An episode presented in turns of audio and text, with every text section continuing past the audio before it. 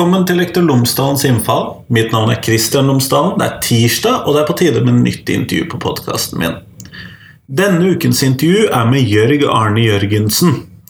Han er lærebokforfatter, han er eh, lærer, han er steinerpedagog, han er lærerutdanner. Han har mange hatter innenfor temaområder som er interessant for podkasten min, med andre ord. Grunnen til at jeg snakker med han denne gangen Det er fullt mulig at det blir flere ganger.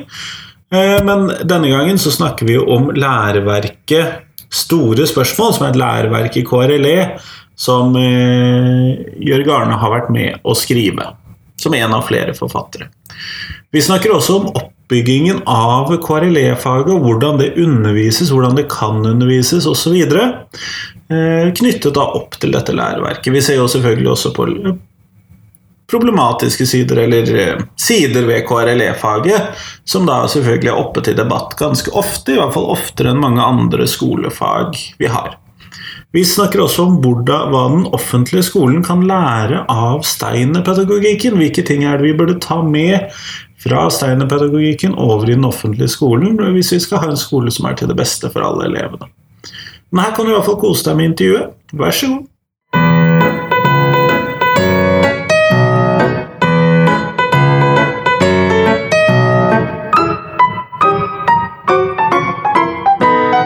Tusen takk for at jeg har fått lov til å komme og prate med deg i dag. Jo, det er bare hyggelig. Kjekt å bli spurt. Eh, kunne du Jørg, fortelle lytterne mine tre ting om deg selv, sånn til å begynne med? Jo, jeg eh, er Steiner-skolelærer, og eh, jeg eh, har fordypa meg i, med hovedfag i eh, hinduisme og astrologi i hinduismen. Sånn at jeg eh, liksom, Spesialfeltet mitt er indiske religioner, og bruker jo det òg til å formidle religion stort sett her og der. Underviser på eh, en del på universitetet og skriver fast om religion og lignende tema i Stavanger Aftenblad. Ja, flott. Det var vel ca. tre. Ja. ja. det tror jeg er tre. Eh, du har jo da fordypet deg i en av de emnene som kanskje ikke flest har fordypet seg i blant religionsviterne i norsk skole? Nei, det er sant det. Vi har gjerne en sånn overvekt på disse Midtøsten som er mest i media, og Midtøsten-konflikten og alt sånt. Så, så, på den måten så er jo hinduisme og indiske religioner litt mindre kjent. Men da er det jo mindre konkurranse, færre om beinet, for å si det sånn. Det er ikke så mange India-eksperter som Midtøsten-eksperter. Uten at jeg skal si at jeg er en forrektig ekspert, men har i hvert fall greier på det. Mm. Mm. Det er jo alltid litt interessant. Ja. En av grunnene til at jeg hadde lyst til å prate med deg i dag, var det at uh, du har vært med å lage en lærebok for uh, eh, KRLE-faget i ungdomsskolen. Ja. Kunne du si noe om det? Ja. Nei, det var jo litt Det kom litt sånn ut av uh, det blå. Det var en sånn annonse i et av disse utdanningsbladene som, som det, de søkte etter lærebokforfatter Aschehoug. Tenkte det kunne vært moro. Og så var det en, en veldig mange søkere, faktisk. Det var sånn over 100 som ble gradvis silt ned til fire. Så vi lagde et veldig fint team der med litt forskjellig kompetanse. Så jeg var jo gjerne den med litt på de indiske religionene. Da. Så, så datt det en av, og så har vi vært tre stykker som har fullført det. Og det har vært en veldig spe spesiell prosess på den måten at, eh, at eh, faget har endra seg. Så vi, vi, skrev jo den første boka, var jo RLE. og så, det, så, skulle den i trykken, og så var det sånn ja, Det var jo snakk om det skulle bli KRLE, men vi har jo ikke tid å vente. Så satt vi og diskuterte er de så dumme på en måte at de slenger den K-en, eller lar de faget være i fred? Hva satser vi på her? Og jeg, jeg var veldig tydelig på jeg syns det blir for dumt å ta den K-en inn. Jeg tror ikke, de, tror ikke de gjør det. Og så gjorde de det, da. Så vi trykte opp eh, første, første åttendeklassebok om som RLE. da. Men eh, det, det, var et ikke så veldig stort opplag, så vi klarte å slenge på en K der. da. Men, eh, men, faget som sådan er jo ikke så dramatisk endra, så vi har jo, har jo, holdt den samme progresjonen som vi hadde sett for oss. Vi har vært et veldig fint team, men det jeg ikke har sett for meg, det var hvor ufattelig stort arbeid det var. Ja, jeg ser jo for meg at dette er et veldig teori... Eller jeg opplever i hvert fall faget som et veldig teoritungt fag. Ja, det er jo 53 eh, kompetansemål etter 10. klasse. Det er ganske drøyt i forhold til eh, så lite fag. Og ikke minst når det er at mange av de er ganske detaljerte.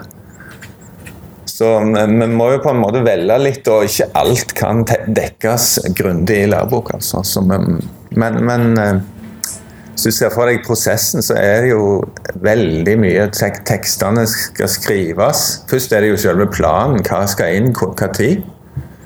Og så er det tekstene skal skrives. Redaktøren retter på dem. De andre forfatterne ser på dem. De skrives om igjen. De rettes på en gang til. Og så sendes eh, et prøveutkast ut til en gruppe med konsulenter og lærere som prøver de i klassene. Ja, Så det var med noen lærere her, ja. Annet enn dere. Annet enn oss, og De kommer tilbake med tilbakemelding om hva som funker og ikke funker. Vi skriver det om en gang til, og så sender vi det ut til fageksperter. Eh, Det vil si ofte folk på universitetet eller andre som har gode greier på temaet. De kommer med flisespikkeri og sånne små feil som gjerne ikke egentlig er feil, men at vi har lagt det fram for enkelt. Det er ofte det som er problemet. Vi må jo forenkle.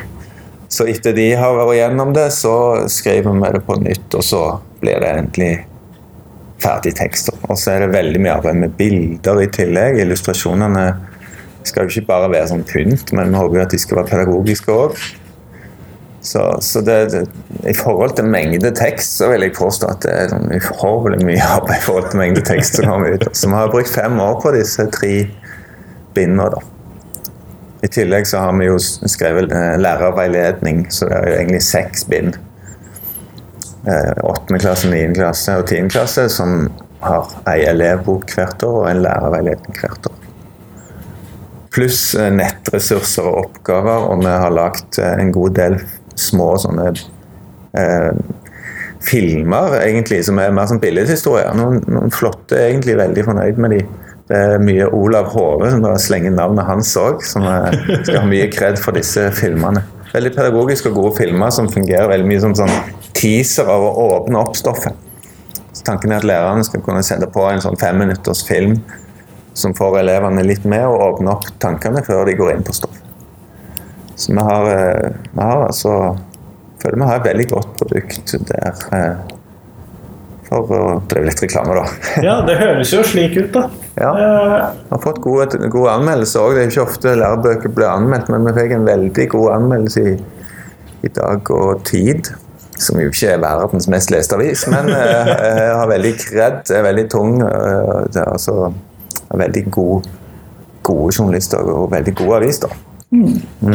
Men eh, fordi at det er vel stort sett Tyn man får, sånn som Harald Eia som tynte ja. en av de andre religionsbøkene. Ja, man skulle nesten tro at vi hadde høyere makter bak oss der, altså, for det var jo akkurat i det eh, vi var ferdig med vår og lanserte siste boka, tiendeklasseboka, akkurat omtrent samme uka som vi lanserte vår, så ble det jo sånn halvannen million visninger på hans tyn av vår nærmeste konkurrent. så det var, det var spesielt. Men jeg, jeg kjente jo litt på at det var litt ubehagelig òg, for det at det, det er ikke lett. Og han, had, han gjorde det litt lett for seg sjøl med å finne ett avsnitt, og så skjønte Det virka som jeg ikke helt skjønte helt hva lærebøker er heller. Det er jo ikke bare det som brukes i skolen. Lærebøker er jo en litt sånn kondensert oppsummering. Ja, for ellers hadde jo ikke vi stort sett hatt noe å gjøre i klasserommet. Nei. Og han la det fram som at dette var, dette var sånn de skulle lære om Paulus via akkurat det avsnittet. Men dette, dette avsnittet er jo mye mer forståelig i samband med at læreren har snakket om det og alt mulig sånt.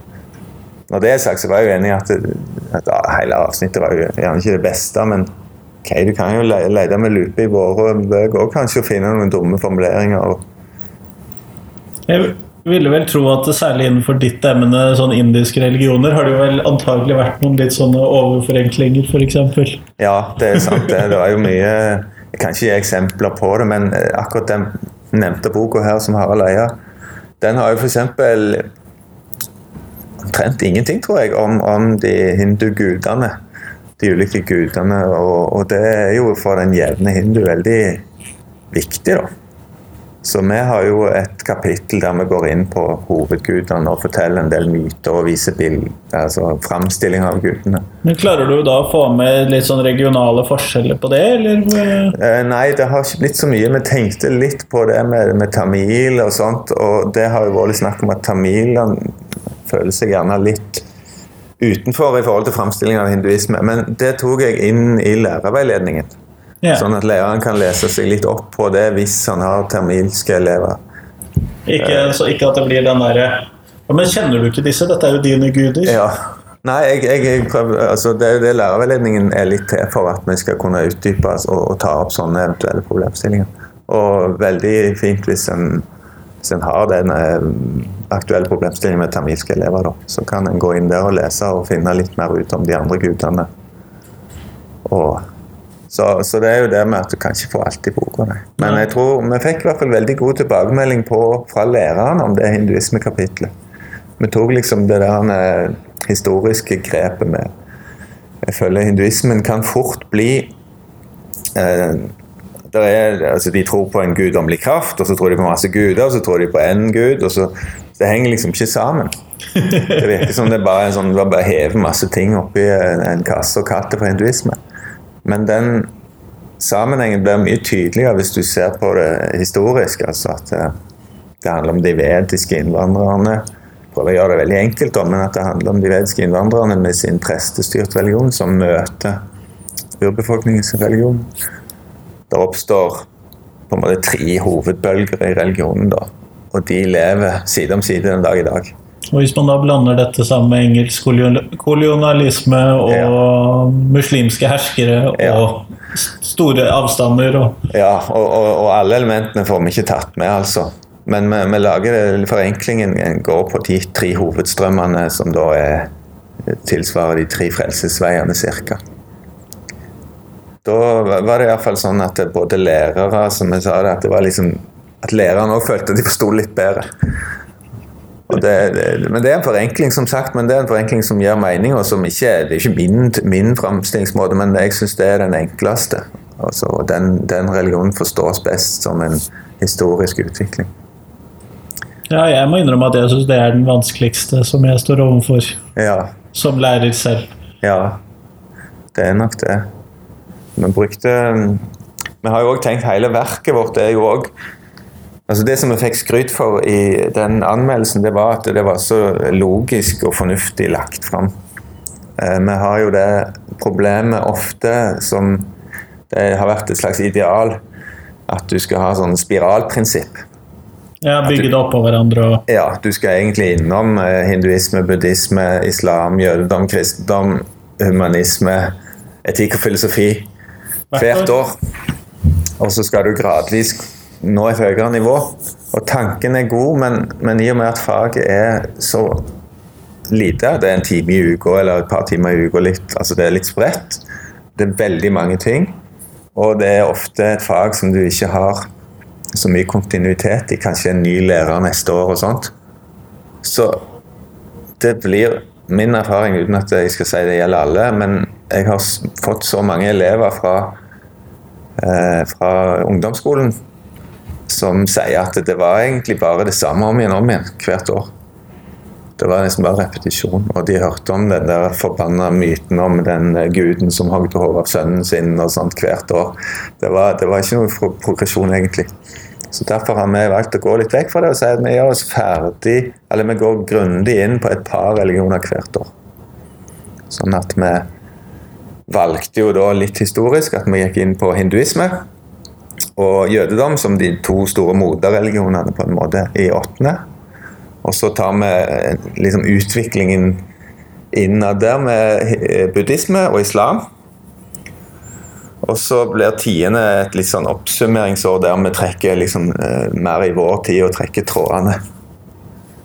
Så progresjonen er at vi går, rekker å gå litt mer i dybden da, på hver enkelt, og at vi unngår den sammenblandingen. At de tror at eh, jødene sitter oppå noen hellige søyler og mediterer mens de Leter etter Buddha? Leter etter, etter noen kuer og noen greier. sånt. Det, alt sauses i sammen. Så det er jo et valg vi har tatt. Det, det, det er jo et valg en må ta som lærer. Hvis en liker spiralprinsippet, og alt sånt, så kan en gjerne velge noen andre lærebøker. Men hvis en har lyst til å få tid til å gå litt mer i dybden, så er det bedre med våre, tror jeg. Og med det Ludvigsen-utvalget, så Med dybdelæring ja, og så videre? så føler jeg vi er litt mer i rute der. altså Vi går, går inn, inn på den tankegangen. Hvordan er, fordi at eh, Foreløpig så er det jo da, har jeg hørt, eh, stort sett de fem store og verdensreligionene og sånn. Mm, Det er stort sett de dere har forholdt dere til, eller? Uh, ja, vi har i tiende så har vi et kapittel som Vi sleit lenge med hva vi skal hete, og sånt, men det ble alternativ religiøsitet. Så, som, vi- som vi har eh, gått inn på de litt mindre, da. Av religionene. Og så har vi et ganske stort kapittel i tiende om humanisme. Og religionskritikk som en del av det kapittelet, selv om vi ikke identifiserer det som to ting. da.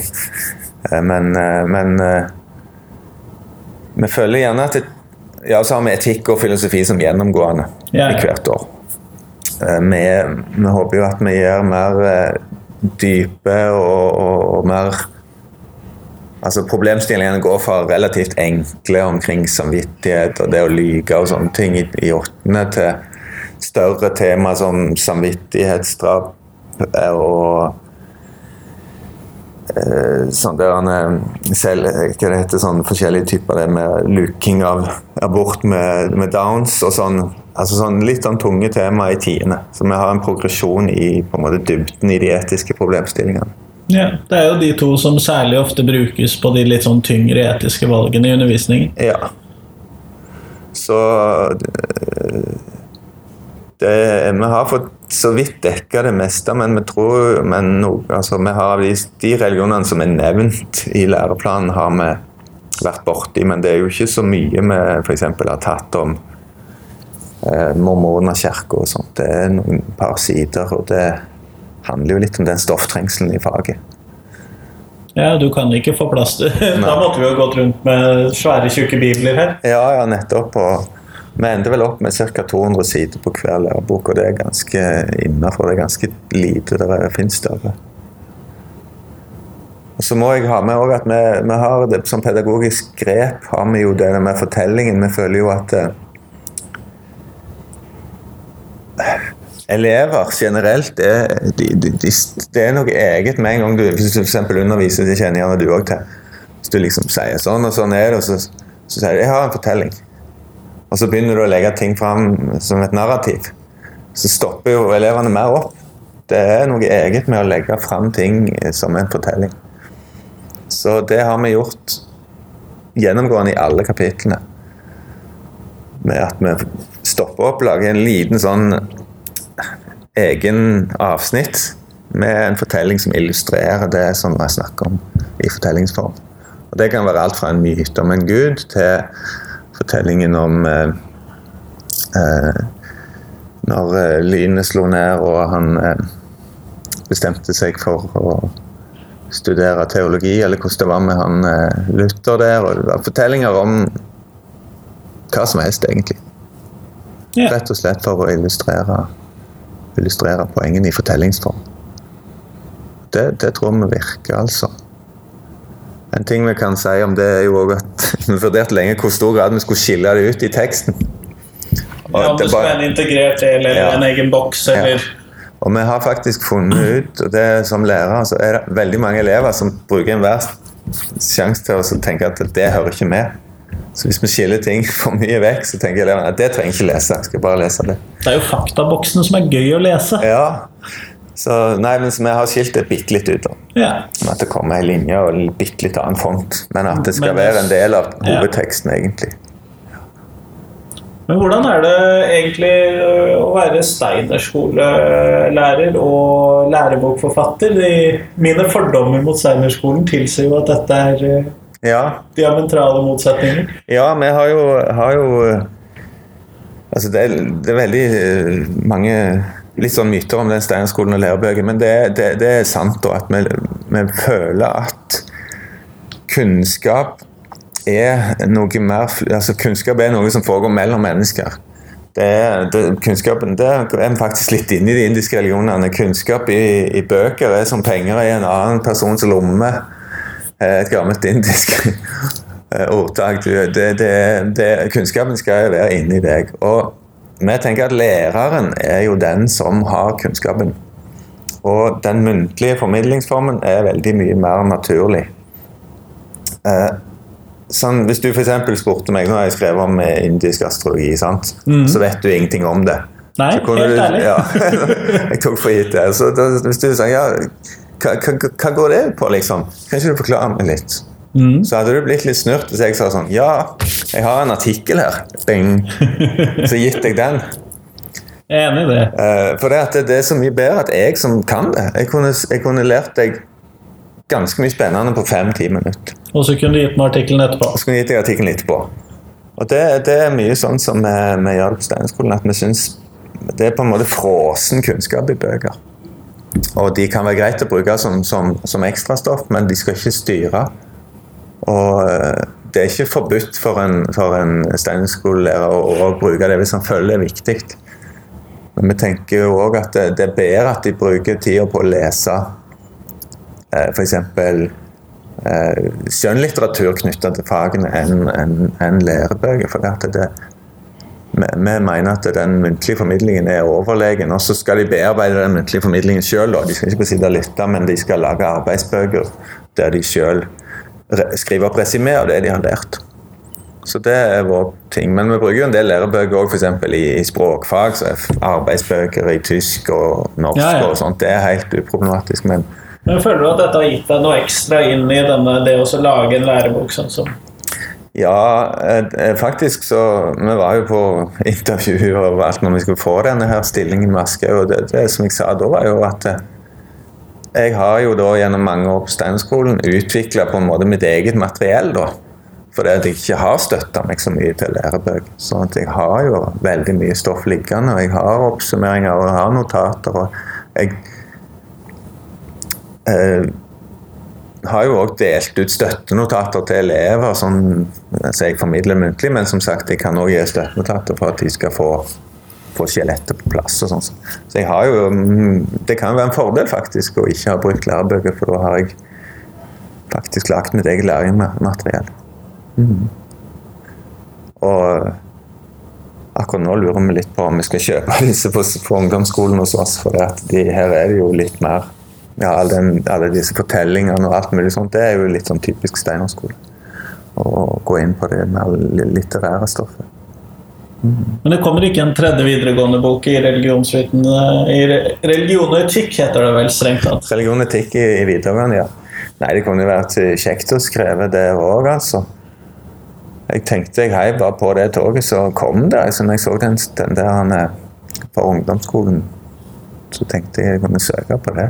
Men jeg er jo ikke fremmed for hvis det byr seg en anledning å skrive for videregående òg, altså. Det er ingen tvil om at man trenger gode lærebøker hos oss også. Ja, absolutt. Nei, det kan fort bli for tungt og abstrakt. Det er jo en, en ting jeg eh, brenner litt for òg, altså en slags fagforenkling. Jeg syns jo mye av de tingene en forventer en tiendeklassing skal kunne ut fra kompetansemål, er er jo ting som hvis du spør en vanlig, egentlig ganske velutdannet voksenperson, kan ikke på stående fot si så mye om det. Det heter vel et eller annet som at en tiendeklassing skal kunne drøfte, faktisk, eh, noe fra profetene, visdomslitteraturen og et av Paulus brev. Hvis jeg hadde stoppet en person på gata som har fullført videregående og er høyere utdanning, tror ikke de kunne sagt så mye drøfting om visdomslitteratur. Eller et Paulusbrev for så vidt òg. Nei, men jeg tror Paulusbrevet er lettere. Det er lettere å få til. ja. Men uh, jeg, jeg tror nok at du har rett i det. Det blir jo ofte sånn at drøftingen er jo vi gir de drøftingen. Så de gjentar, gjentar det de har lært. Dette kan du forstå to på sånn og Ja. sånn, og så Husk dette. Ja, husk dette. Det er sånn, altså. Jeg, jeg har jo følt det som en av mine store seire i religionsundervisningen var jo når jeg klarte å få de til å forstå eh, forstå deler av romerbrevet der i forbindelse med altså ting som eh, Det var et utdrag fra, fra romerbrevet der han henviser til gamle Adam og, og synden og, og sånt som blir gjort opp. Da, da da gjorde jeg det faktisk sånn at jeg leser denne teksten. Nå må vi se om vi forstår den. Nå, nå tenker vi oss at vi er tilbake at det, det, dette er noe, nå, nå, må vi tenke oss tilbake til 2000 år tilbake i tid. og Der kommer en tekst. Klarer vi å forstå hva er poenget med den teksten? Lot som vi var på en skattejakt. Som romer. Ja, les, les dette. Forstår vi dette her? Og da, da klarte noen å komme fram til den konklusjonen at det var et oppgjør med, med synden til, til Adam, da. Eller den første synden. Og da mente jeg ja, klikk, da har vi jo da har vi det læringsmålet. Da har jeg klart det. Men, men det, det, det, det er ikke lett, altså. I hvert fall ikke når du tenker på tida det skal gjøres på. Nei, det er jo lite tid. Mm. Det er det. Men Hva tenker du om den eh, verdensreligionmodellen som du da har brukt? Du har jo for så vidt brukt den i læreboka, men er den etablerte eh, Ja. undervisningsformen her nå, i hvert fall. Ja. Nei, Det er jo veldig spennende det der med altså, For de, de som ikke kjenner til det, så går jo den verdensreligionmodellen ut på at det, det fins fem verdensreligioner, og de er nokså sånn selvstendige enheter. og, og Blander seg ikke med hverandre. Nei, og, der, de, de, og folk inni den de er på en måte akkurat som de heier på et lag. og det, Den ene mot den andre, og de prøver å misjonere og sånt. Det, det kan fort bli litt for, for stor vekt på det, men samtidig og, og, det du kan si er utfordringen som en del har kommet med, at det er en forenkling. sant? At uh, det er masse synkretisme, og et enkeltmenneskes religiøsitet vil jo ofte være mye mer variabel enn det den teologien for den offisielle teologien for den religionen skulle tilsi. En enkelt kristen ja, bare for å si det sånn, noe jeg skrev i Aftenbladet for litt siden om, om, om på en måte det offisielle kristne synet om naturen og sånt, at Gud på en måte har skapt naturen som noe utenfor seg sjøl, på en måte. Men det er klart, mange kristne vil jo gjerne være som panteister i hjertet, sånn at de kan godt føle at det er Guds kraft til stede. Er det da feil fordi at de ikke kan den rette teologien? Altså, Hva er da kristendom? Brudd på kirketradisjonen. Ja, men det er jo klart hvis du spør hver enkelt kristen, så vil det jo være veldig stor variasjon. Og ikke minst som de religionene jeg kjenner til, hinduisme og buddhisme, er det veldig mye overgangs, overgangs eh, mellom de to. Og ikke minst faktisk òg islam i India er jo ganske fascinerende hvordan islam og hinduisme til tider var ett miljø. I det Sikh-religionen f.eks. oppstod jo i et slags sånn blandingsmiljø mellom muslimer og hinduer der de så tydelige likhetstrekk mellom hverandre. Og På tross av at vi i dagens skole lærer at det ene er en lineær og det andre er en Ja, ja, ja. sirkulær religion, og alt det så, så, så jeg ser helt poenget med at det er mer komplisert. Men jeg har landa på at vi må begynne med det enkle, vi må begynne med forenklinger. Så kommer det altså det der synet med å utfordre verdensreligionmodellene, det er et, på en måte et sånn avklart, voksent syn. Sant? Mens det mer for videregående, kanskje. Ja, mer for videregående. Mens det de må lære, er jo på en måte den litt forenklingene. Sånn at de på en måte blir litt kjent med de hovedtradisjonene. Og så kan en etter hvert komme inn på at ja, men det er jo tross alt synkretisme og sånt. Det minner litt om det der med å lære sjangre i norskfaget. Altså, jeg du må sette jo de opp veldig sånn Ja. tyk- Du må sette det opp for at, eh, at et- essay skal være sånn og sånn, et kåseri skal være sånn og sånn, en novelle sånn og sånn. Og jeg forstår fremdeles ikke forskjellen på disse kategoriene. Nei, nei. Det er godt jeg ikke er norsklærer. Ja, det er sant, det. Men, men, men poenget er fall at når du kommer i den virkelige verden, så er det ingen som arresterer en forfatter hvis han blander de. Men du kan ikke gå ut og si til en elev sånn Ja, du kan blande alt mulig, for da har de ingen kategorier. Og Det samme føler jeg gjelder med verdensreligionene. Du må begynne med det enkle. Selv om det er en forenkling, så, så er det noe i det. Og ikke minst så, så vil jo veldig mange eh, religiøse sjøl kategorisere seg som hindu, muslim, kristen osv. Selv om de vet at de avviker fra kanskje andre hinduer, muslimer og kristne. Ja, men de føler likevel et fellesskap med dem. Og det er ikke alltid de vet at de avviker engang. For mange av de er jo ikke så inne i teologien at de vet at det er akkurat Hvis jeg tror at Gud, det fins Guds rundt forbi det skapte, så, er, så vet jo gjerne ikke de hva teologene mener om det. Så, men Nei, det er jo interessant for de fleste. Ja, det er jo det. Men for å si det kort, jeg syns at verdensreligionmodellen den er såpass etablert både blant folk flest, og det er en, en, en, en grunnstein. altså det, det er på en måte det enkle de må lære først. Det er noe med den der fagforenklingen som vi har etterlyst. Hvis vi skal oppløse verdensreligionmodellen, da blir faget enda mer abstrakt og komplisert. Og vi lærerne må kunne enda mer. Og kunne... Ja, det er sant. ja. Da må, nok lærer, da må nok religionsundervisningen enda mer inn i lærerutdanningen, tror jeg. Ja. Det, det er jo òg en, en, en, en, bra ting, holdt jeg på å si. Ja. Mm. At det blir mer religion i lærerutdanningen. Jo, og det tenker jo jeg også, fordi at dette er et tema som dukker opp i veldig mange, veldig mange ting. Ja. Eh, I veldig mange fag. Men samtidig så man oppdager jo, jo mer man lærer, jo mer oppdager man at man ikke kan, er det jo noe som heter. Mm, ja, Eh, det er søren meg sant, altså. Så hvis du da har si 15 studiepoeng i forskjellige religioner, så tror du at du kan det, og Ja, oppdager ikke det, at du ikke kan det. ja det, det, kan, være- det kan være et poeng. Ja. Nei, i, gamle dager jeg, begynte, jeg har jo undervist en del på lærerutdanningen i religion, da var det jo obligatorisk.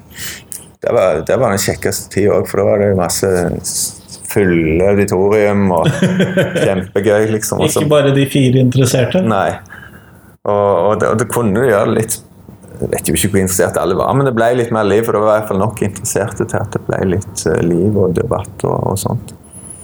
Eh, og nå med det nye PL-faget så vil det jo igjen bli obligatorisk med, med religion, men det ble jo ikke helt det samme. Nei, for det skal ikke være undervisningskompetanse religion, det skal Nei. være mer andre sammenhenger religion. Ja, det, En del av det går jo på at de skal se hvor relevant de skal kunne Eller lærerstudentene skal kunne få innblikk i, i hvordan religion virker inn på femte- til tiendeklassinger, da, som er elevgruppa. Og da føler jeg det er vanskelig å gjøre det uten å lære litt om religionene òg, da. Men det minner vel litt om sånn som de har hatt i barnehagen. At de skal lære om religion med vekt på hvordan, hva uttrykk og det kan Eller hva det kan bety for barn. Så nå vil det vel være litt om hvordan eh, religionene kan ha innvirkning for elevgrupper. Det tror jeg kan bli ganske interessant å se hva de putter inn i Ja. disse fagene. Ja, jeg så litt på pensum her i Pensum her de har tenkt å ha på eh, i Stavanger her, men jeg vet ikke om jeg har det helt med nå. Det er i hvert fall eh, en god del. Innhold som faginnhold. Ja, det kan bli vanskelig, og så kommer du fort inn i det der med du må gjøre det enkelt, så da kan du fort komme inn i kulturelle stereotypier der, altså. Det er jeg litt redd for. Hvis du på de 15 studiepoengene skal ha en del om religion, og så en del av det skal være på hvordan de ulike barna blir preget av religion. Det høres ut som en oppskrift på litt sånn kulturelle stereotypier her. En muslim blir pre muslimske barn de er sånn og sånn, hindubarn er sånn og sånn. Altså, vanskelig å si noe fornuftig uten å generalisere der. Ja. Det kan bli spennende. Ja, spesielt når det er at det ikke det, det er vi inne på en veldig stor debatt òg. Jeg føler jo det er nesten som å banne litt i kirka her, altså, som religionshistoriker. Men jeg syns ofte religion har fått for stor vekt som den definerende tingen, liksom. Den som definerer andre kulturer. Eh, Når jeg jeg er såpass gammel at jeg husker at det begynte å komme innvandrere. Det var få når jeg var barn. På ungdomsskolen var det et par. Hei til deg, eh, Shahzad Rana, som gikk på, på ungdomsskolen med meg. Han hadde jo nei, På, på gymnaset med meg. Altså, da var de pakistanere. Ikke muslimer. Nei, de var ikke muslimer, de var pakistanere. Og da, og mens nå når det har blitt mange innvandrere, så har, har myndighetene Nei, dette må, vi, dette må vi ha inn i skolen, og nå må vi få kulturkunnskap. og vi må få dette inn, og Da, da føler jeg at eh, har dekka det opp med KRLE-faget, liksom. Hvis vi på en måte vi lærer de andre innvandrerne å kjenne ved religionene deres.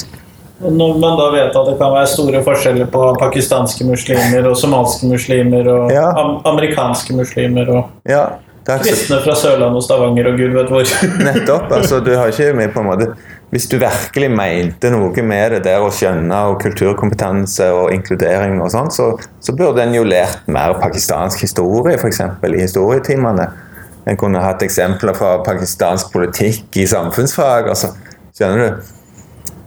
Mens nå føler jeg at vi har liksom en tendens til å si sånn Check, vi har uh, KRLE-faget. Der har vi liksom hevet inn alt, så har vi kulturforståelse. Ja. Og alle muslimer, de er bare muslimer. Ja, da sementerer du jo det religiøse og sier at det er det som er den grunnleggende identiteten din.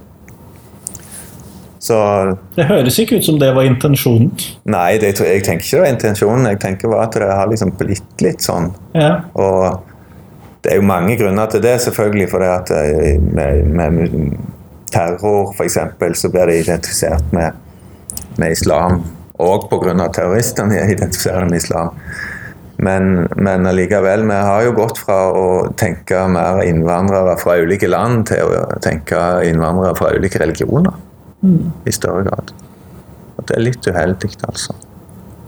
Så kanskje Pell-undervisningen burde reflektere at det er mer snakk om kanskje regionale og geografiske og så videre forskjellig. Mer enn bare religiøse. Nettopp. Det kunne gjerne gått litt på Men, men, men det står vel i målet at det skal Ja. gå, på, gå på religioner, men da kunne en jo brukt undervisningen til å eksempel skille mellom ulike typer muslimer. Da, hvis en ikke, det høres sånn kjipt ut, men hvis du skjønner at, at eksempel islam i Sør-Asia har jo hatt en ganske særegen historie og, og, og i forhold til islam i Nord-Afrika, f.eks. Høres ut som man trenger veldig mye tid til den religionsbiten KrF fikk inn i lærerutdanningen. Ja.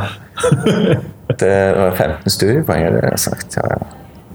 Nei, det kan bli vanskelig, spesielt oppstarten her nå med å hoste opp et pensum i, i full fart og sånt. Så Det kan bli mye justeringer framover. Ja. Ja. Men hvis vi nå går mot slutten på podkasten, så skal du få lov til å være norsk skolediktator, du som eh, alle de andre jeg har intervjuet. Eh, hvis du har fritt mandat og fritt budsjett til å gjøre noe med norsk skole, hvor ville du begynt?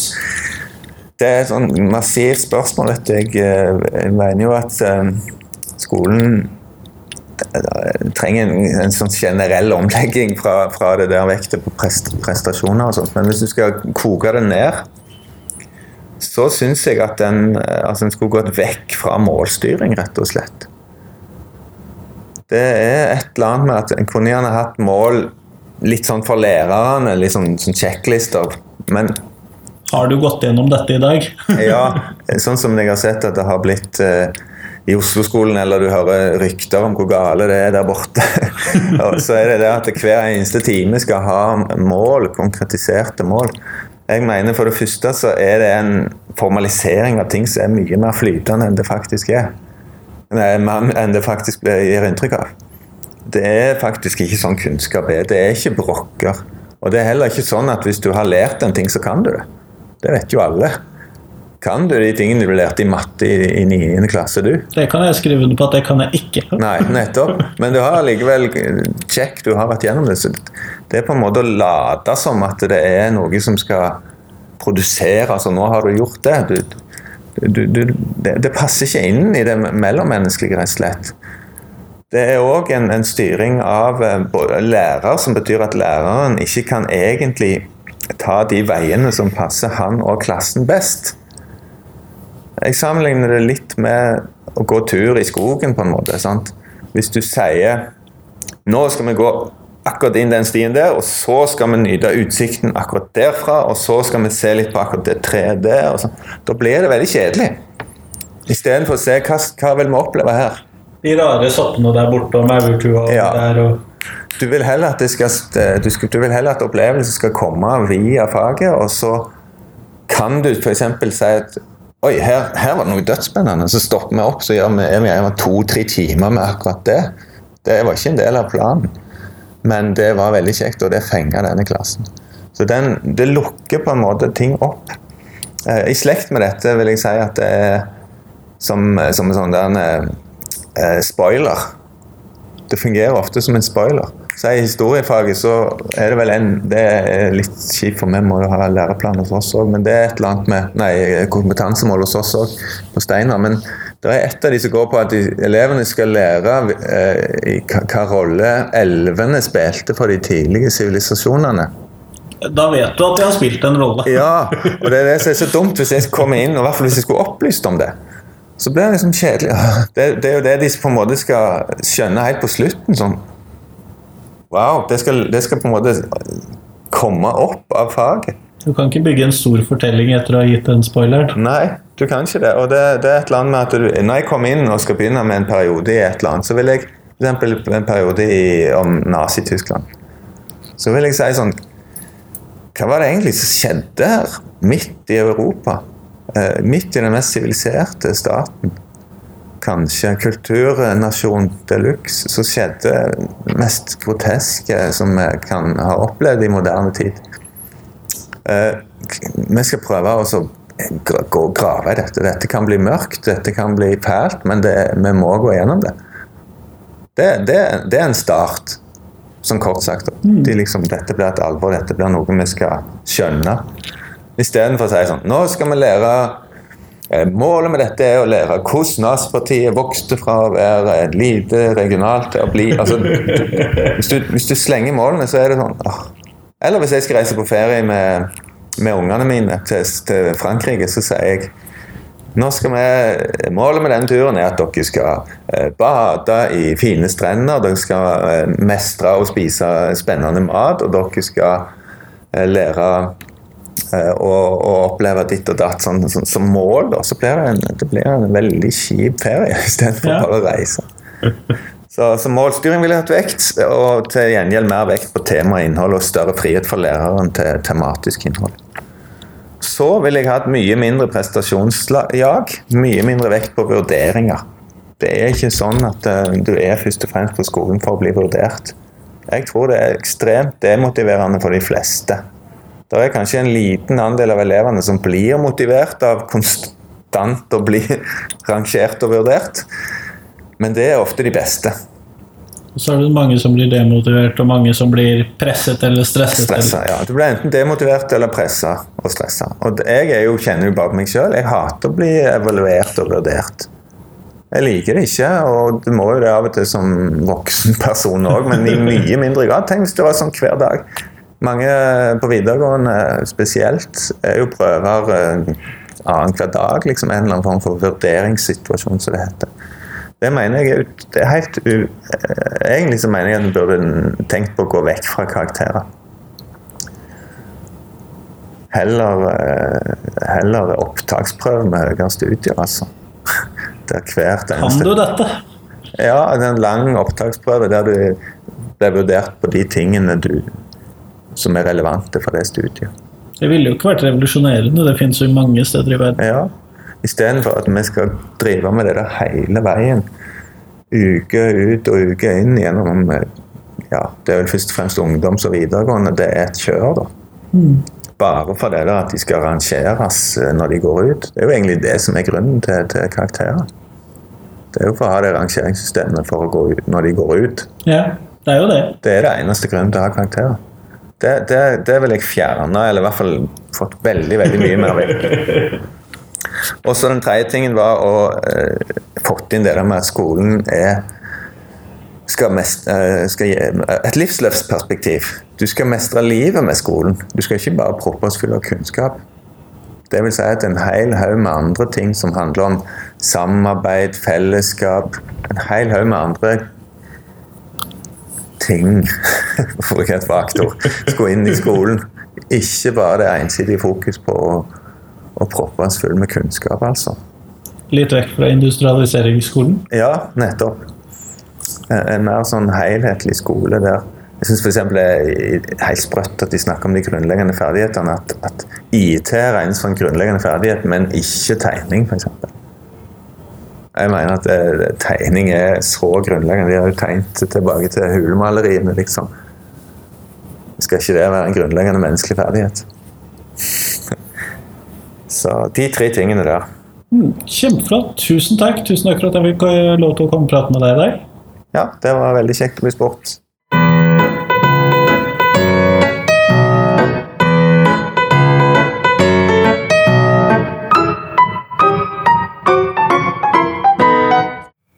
Tusen takk til Jørg Arne Jørgensen, og tusen takk til deg som hørte på.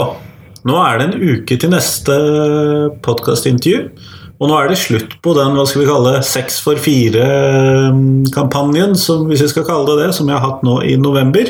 Sånn at det vil bare være de vanlige fire intervjuene i desember. De er allerede spilt inn. Jeg koste meg kjempemye på Z-dagene i forrige uke. Og fikk da også muligheten til å gjennomføre alle de intervjuene jeg hadde tenkt til, sånn at dette blir en, et bra desember nesten en julekalender, hvis vi da bare forestiller oss at en julekalender kommer eh, vel fire ganger i uken Nei, én gang i uken, eh, og også i romjulen. Nesten en julekalender. Men i hvert fall, kos deg med videre nå i desember. Ikke la julestria få ta overhånd. Og så ses vi om en uke. Ha det!